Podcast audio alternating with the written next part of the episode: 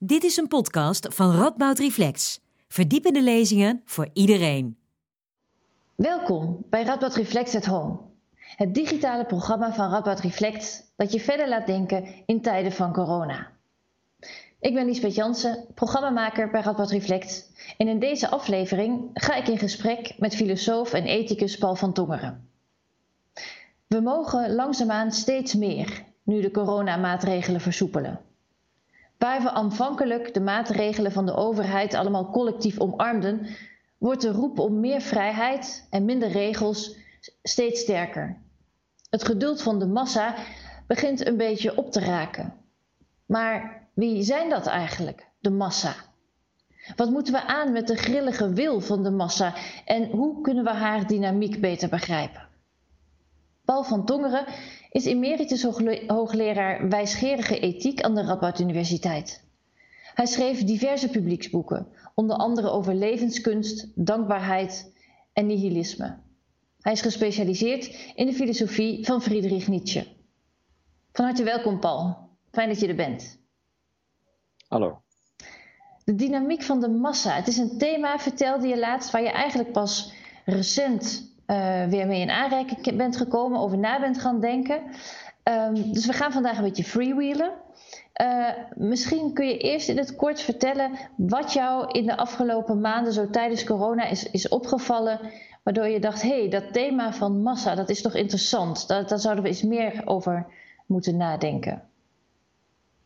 Ja, uh, het, thema vind ik al langer interessant, maar uh, het kwam inderdaad naar aanleiding van corona weer terug, uh, weer opnieuw tevoorschijn, op verschillende manieren. Uh, op de eerste plaats al het begin, wat je net zelf noemde bij je introductie. Dat we massaal in het begin ons onderwierpen met een eigenlijk onwaarschijnlijk grote gehoorzaamheid of, of volgzaamheid ons onderwierpen aan de voorgestelde maatregelen. Uh, dat, dat heb ik heel merkwaardig gevonden en achteraf misschien nog wel meer dan op het moment. En dat is interessant, want dat betekent waarschijnlijk dat ook ik deel ben van die massa, die pas achteraf dan een zekere afstand kan nemen en daarover kan denken. Uh, en, en aan het eind van die strenge periode, althans, weer opnieuw, toen we die uh, ja, verschillendsoortige uitbarstingen eigenlijk kenden van ja, waarvan? Is niet zo makkelijk te zeggen. Voor een deel natuurlijk de, de, de Black Lives Matter uh, demonstraties. Maar die vielen ongeveer samen met de, de uitbarsting van eindelijk weer bij elkaar, ook als massa bij elkaar kunnen zijn. Um, de, de, de massaliteit daarvan uh, was eigenlijk het meest opzienbarende. En er zijn wel meer dat soort dingen gebeurd als de dood van deze zwarte uh, in, in Amerika. Het is het zoveelste incident, zou je kunnen zeggen. En er zijn zelfs alweer verschillende van dat soort incidenten na, na afloop van, van deze geweest. Maar deze heeft ineens, als het ware, de lont in het kruidvat gestopt. En opnieuw, ik vermoed dat dat iets te maken heeft met dat verschijnsel dat we nu aanduiden als het probleem van de massa. Maar waarom is dat iets nieuws? Want dat je bijvoorbeeld zegt, hè, we, gingen, we omarmden met z'n allen die maatregelen van de overheid.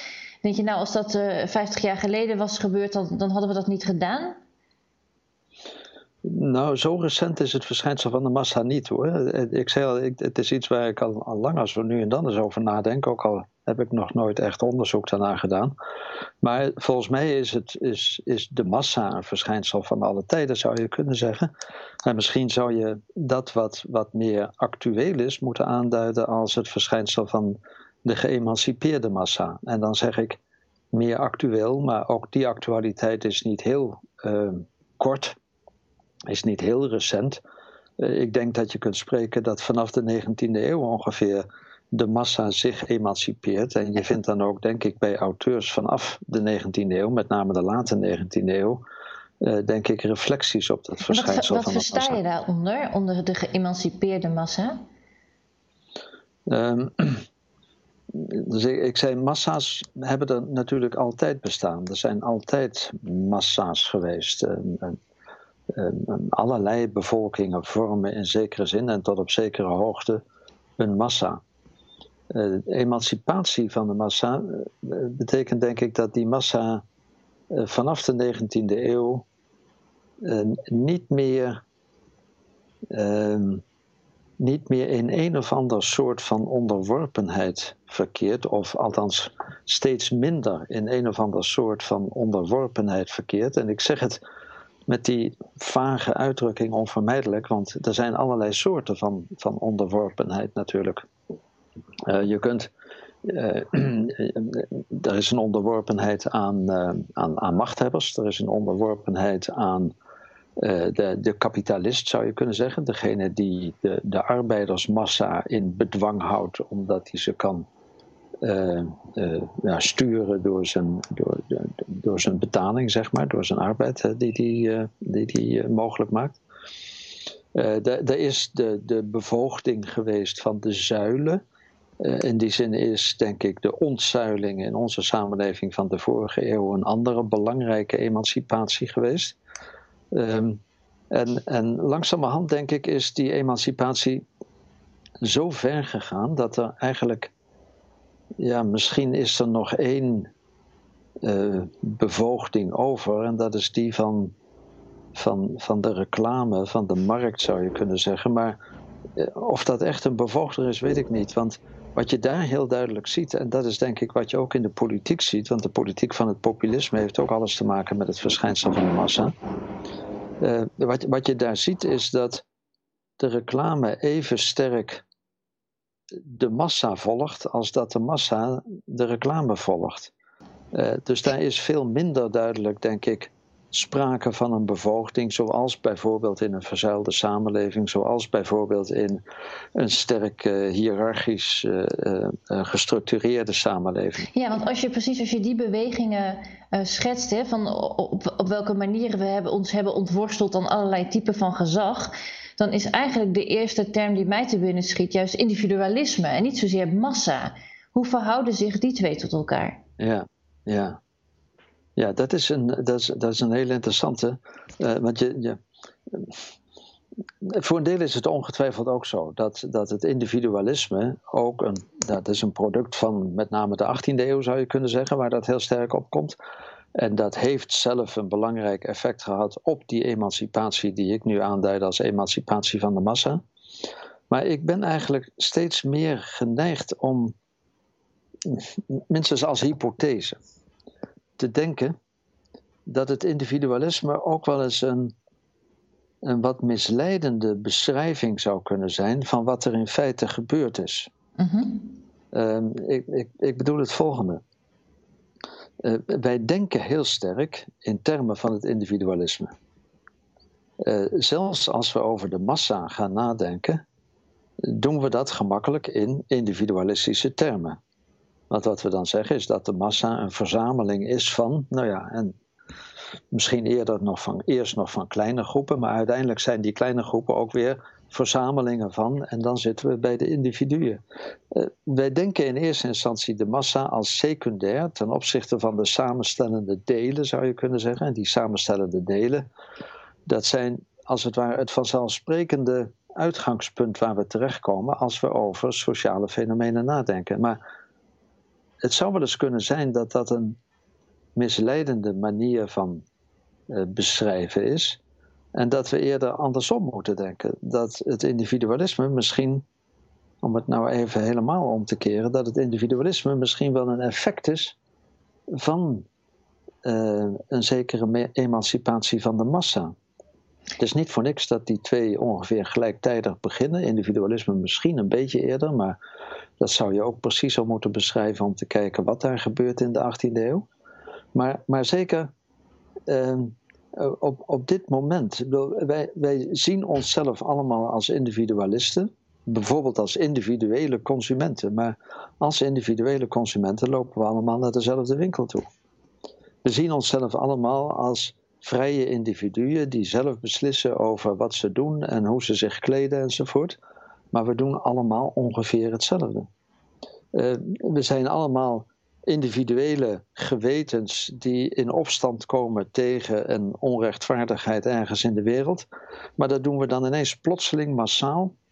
Niemand van ons heeft dat bedacht, niemand van ons heeft dat besloten. Zelfs de organisatoren die van tevoren natuurlijk altijd hopen dat er meer mensen komen dan er in feite komen, zijn overweldigd door, door, een, door een meer dan vertienvoudiging, verhonderdvoudiging van het aantal mensen dat, dat bij elkaar komt. Enzovoort. Ja, wat verklaart dat, dat inderdaad? Wat, wat, verklaart dat? Hoe komt, die, hoe komt zo'n massa in beweging?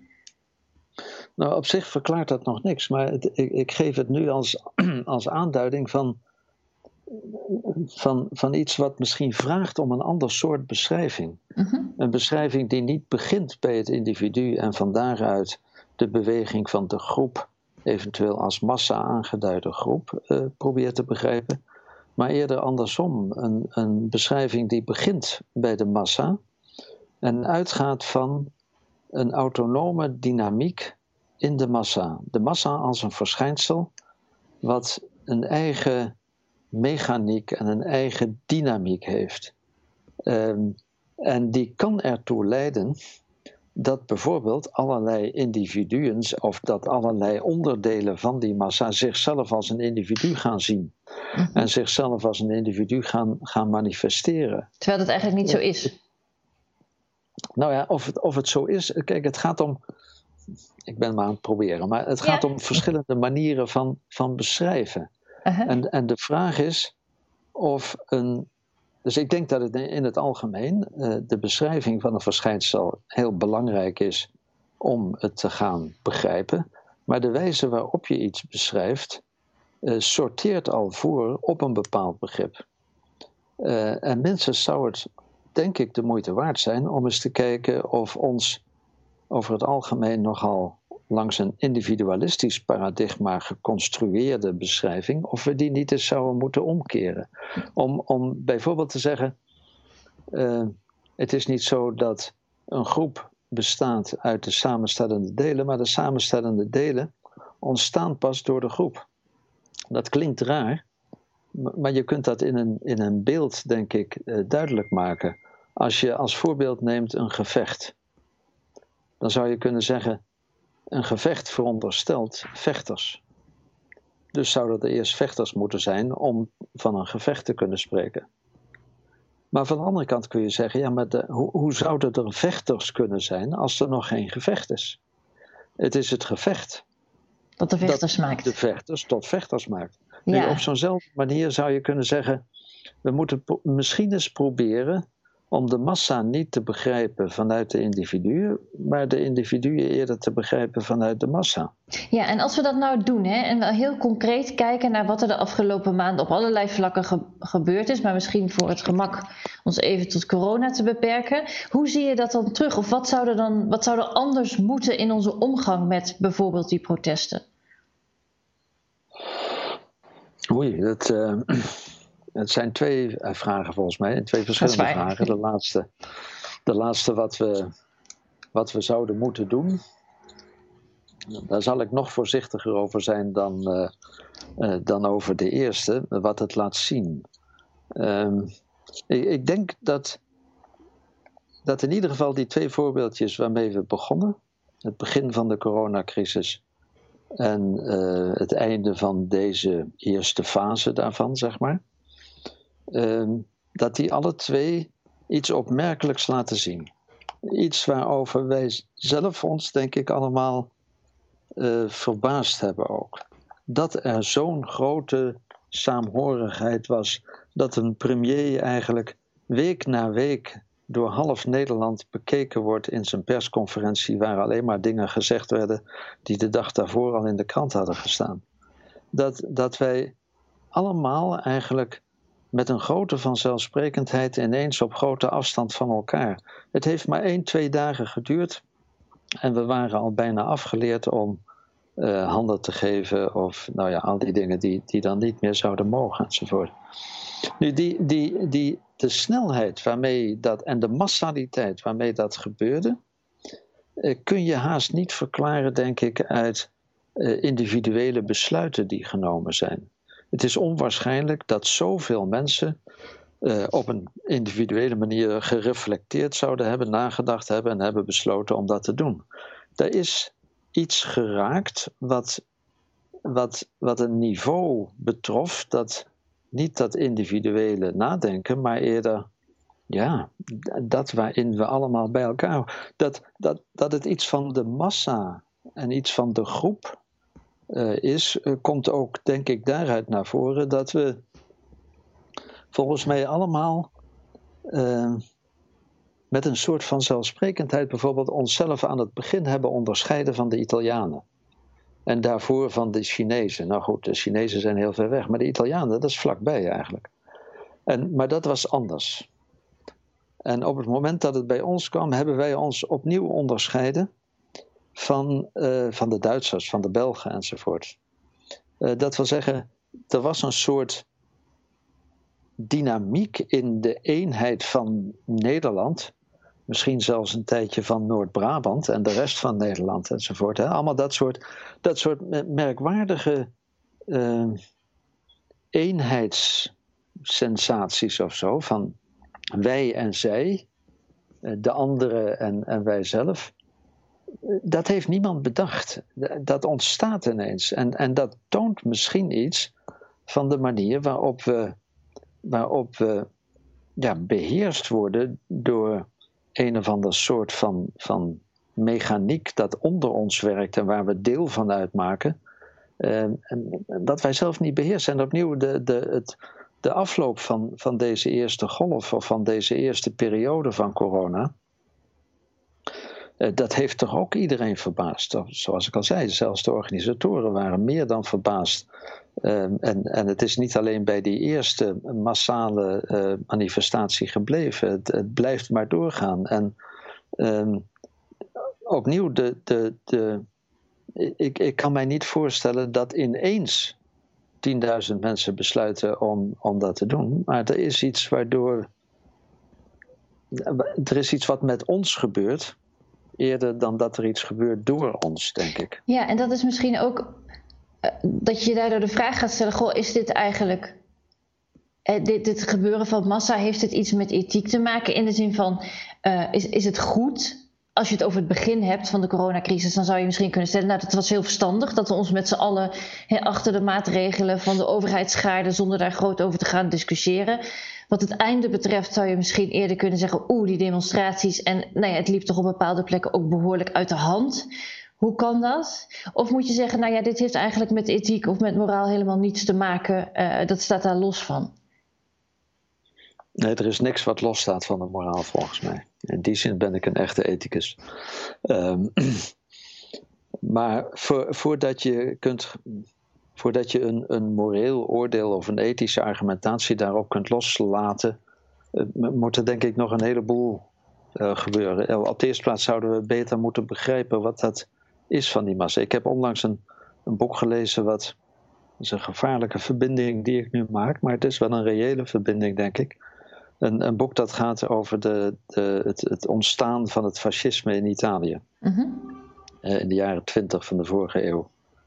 Uh, daar zie je ook opmerkelijke uh, bewegingen inderdaad van een massa. Dingen die, die niemand voorziet, die ineens zo ontstaan, gebeuren. En je kunt wel wat factoren aanwijzen, maar een heleboel verbaast ook de organisatoren daarvan. Mussolini als de, als de, de, de grote man achter uh, de, de, het, ontstaan van de fascistische beweging, is zelf voortdurend verbaasd over wat er gebeurt eigenlijk. En uh, je zou kunnen zeggen, een van de dingen die het. Dus ik vind het een gevaarlijke verbinding, omdat je moet oppassen om elke, elke vorm van, van massa uh, fenomenen meteen in termen van fascisme te, te, te beschrijven. Maar ik denk wel dat we van het fascisme iets kunnen leren over wat een massa is en hoe een massa beweegt. Ik, ik las ergens in dat boek uh, massa's, uh, zoals D'Annunzio, ook een van die grote figuren natuurlijk uit het vroege uh, fascisme in Italië, zoals D'Annunzio dat, dat wist, Massa's moet je laten golven. En dat is eigenlijk een perfecte uitdrukking. Want iets laten golven, dat is ook een, een, een golfbeweging in een grote hoeveelheid water. Ja, is niet iets wat uit deeltjes. Ja, uiteindelijk zal een fysicus het best in termen van deeltjes kunnen uitleggen. Maar je zou kunnen zeggen dat dat, dat, dat is iets wat gebeurt en wat je dan. Je, je, kunt, je kunt een beetje sturen door mee te gaan met de beweging die het, die het water of die de massa, die de, die de, die, die werkelijkheid zelf vertoont. Ja, maar je kunt er niet echt dus, tegen, tegenop in opstand komen. je, kunt je, niet echt tegen instellen. Nee, je kunt niet zeggen, nou moeten de, de golven ophouden of zo. Dat, dus die, de, de golven gaan. Um, en, en je kunt daar iets mee doen door op een bepaalde manier mee te bewegen. Dat is denk ik ook een. Ja, je, je ziet dat inderdaad niet alleen bij de fascistische, maar ook bij andere populistische uh, uh, politiek. Uh, dat, dat die evenzeer reageert op wat er in een massa gebeurt, als dat ze probeert die massa te sturen of mee te krijgen voor eigen doeleinden. Nu, dat, dat, dat is één manier van, van te kijken naar wat kun je daarmee doen? Wat kun je überhaupt doen met betrekking tot een massa?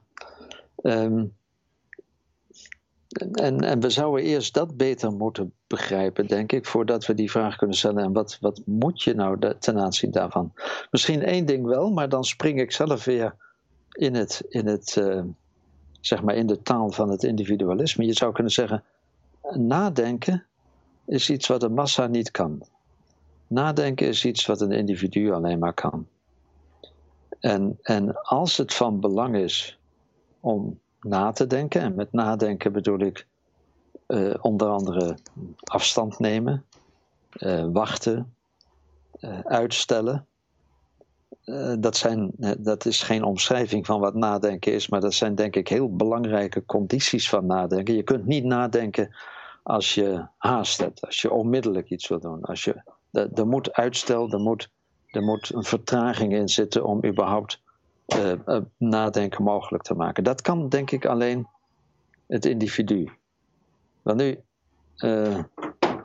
als nadenken van belang is, en, en het, is moeilijk om een ethiek te bedenken die het nadenken niet van belang zal achten, ja, dan, dan, dan is in ieder geval gezegd dat het heel moeilijk is om aan te geven wat je zou moeten doen. Want de, de, de, de nadruk op de massa maakt precies duidelijk dat dat individu eigenlijk eerder secundair is. Dus dat is een soort, ja, daar ontstaat een spanning tussen wat het individu zou moeten zijn en wat het, en wat het individu misschien is of kan zijn als zelf een product van een massa. Ja. Zou ik dan, want ik, ik moet langzaam gaan afronden, zou, zou ik daaruit de conclusie mogen trekken, heel voorbarig en voorlopig misschien, uh, dat je nou ja, dat je ons vooral toch. Nou ja, dat je ons vooral toch ook wilt oproepen om wel zelf te blijven nadenken. Nou ja, in, in, ieder geval zou ik, en dat wil ik graag nog een keer uitdrukkelijk zeggen. Dit, dit, ik, ik ben helemaal geen deskundige op dit punt, dus ik zit hier niet als de, de wetenschapper van de massa. Een ja. wetenschapper, maar een filosoof. En, maar voor mij is dit een, een, een hypothese. Dus wat ik heb geprobeerd nu is uit te leggen waarom ik denk dat het een interessante hypothese zou kunnen zijn om van daaruit te gaan zoeken en te gaan kijken. Uh, en ik denk dan dat we op de eerste plaats uh, zouden moeten proberen meer te begrijpen van wat er gebeurt vanuit zo'n omgekeerd paradigma. Niet het individualistische paradigma, maar het paradigma van de massa. Want als ik zeg dat de massa niet kan denken, uh, dan moeten we dat ook niet te simpel nemen, denk ik. Ehm, de massa kan bijvoorbeeld wel voelen. Het zou mij niet verbazen dat, dat bijvoorbeeld om die, die laatste golf van demonstraties rond Black Lives Matter te, te nemen als voorbeeld, dat er in onze cultuur uh, een, een, een schuldgevoel bestaat ten opzichte van ons verleden, wat wij op het niveau van ons besef van onszelf als individuen eigenlijk niet hebben. Ik ben toch niet schuldig aan wat mijn verre voorouders enzovoort. We kennen die, die manier van, van denken. En, en niettemin zou het best kunnen zijn dat er een soort van onderliggend, niet in mij als individu, Maar in die massa waarvan ik deel uitmaak, en die mijn individualiteit op een of andere manier ook voortbrengt, een soort schuldgevoel is. Nu, het zou dus kunnen zijn dat massa's wel degelijk een soort schuldgevoel kunnen hebben. Uh, Zo'n schuldgevoel zou best kunnen zijn dat zoiets uitbarst en dat dat een deel van de verklaring zou kunnen zijn voor de massaliteit van een beweging zoals we dat hebben zien ontstaan. Nu, ik, ik, geef dat nu alleen maar veel te speculatief natuurlijk nog geformuleerd, maar ik geef dat alleen als een voorbeeldje van hoe we veel meer zouden moeten proberen te begrijpen voordat we kunnen zeggen en wat we dan moeten doen. Dat, dat komt eigenlijk pas later. Ja. Maar dat, ja, wat je zelf al formuleerde, ja, dat, dat blijft denk ik onvermijdelijk dat we altijd, ook al, ook al denken we dat de massa misschien bepalender is dan wij zelf als individu, we kunnen tegelijkertijd niet anders dan onszelf als individu ook weer zien en, en dan proberen na te denken. En, en opnieuw nadenken zou ik heel graag willen verbinden aan die condities van uitstel, afstand nemen, uh, even wachten. Uh, nu, dat soort dingen die de massa precies niet doet. De massa wacht niet, de massa stelt niet uit, de massa doet iets onmiddellijks. En, en die, die, die, op het moment dat we dat zien, zien we misschien iets van het verschil tussen onszelf als onderdeel van de massa en onszelf als individu. Maar ook daar hoor, want ook degenen die, die zich verzetten tegen de, tegen de grote protestmanifestaties die er geweest zijn enzovoort, vormen ook een soort massa. Komen ook met een onmiddellijke reactie van dat is toch te gek of dat enzovoort. Ja, en ook daar geldt dus. Ja, dan maak je maar jezelf. ook, ook daar geldt weer uh, uh, dat, dat, dat daar een, een dynamiek in die massa gaande is, waar we misschien op sommige momenten even afstand van kunnen nemen en als individu kunnen nadenken en uitstellen. Uitstellen van het oordeel. Ja. Vond je dit interessant en ben je benieuwd naar meer van ons? Like dan deze video en abonneer je op ons YouTube kanaal. Houd ook de website van Radboud Reflex in de gaten en volg ons op social media. Graag tot een volgende keer.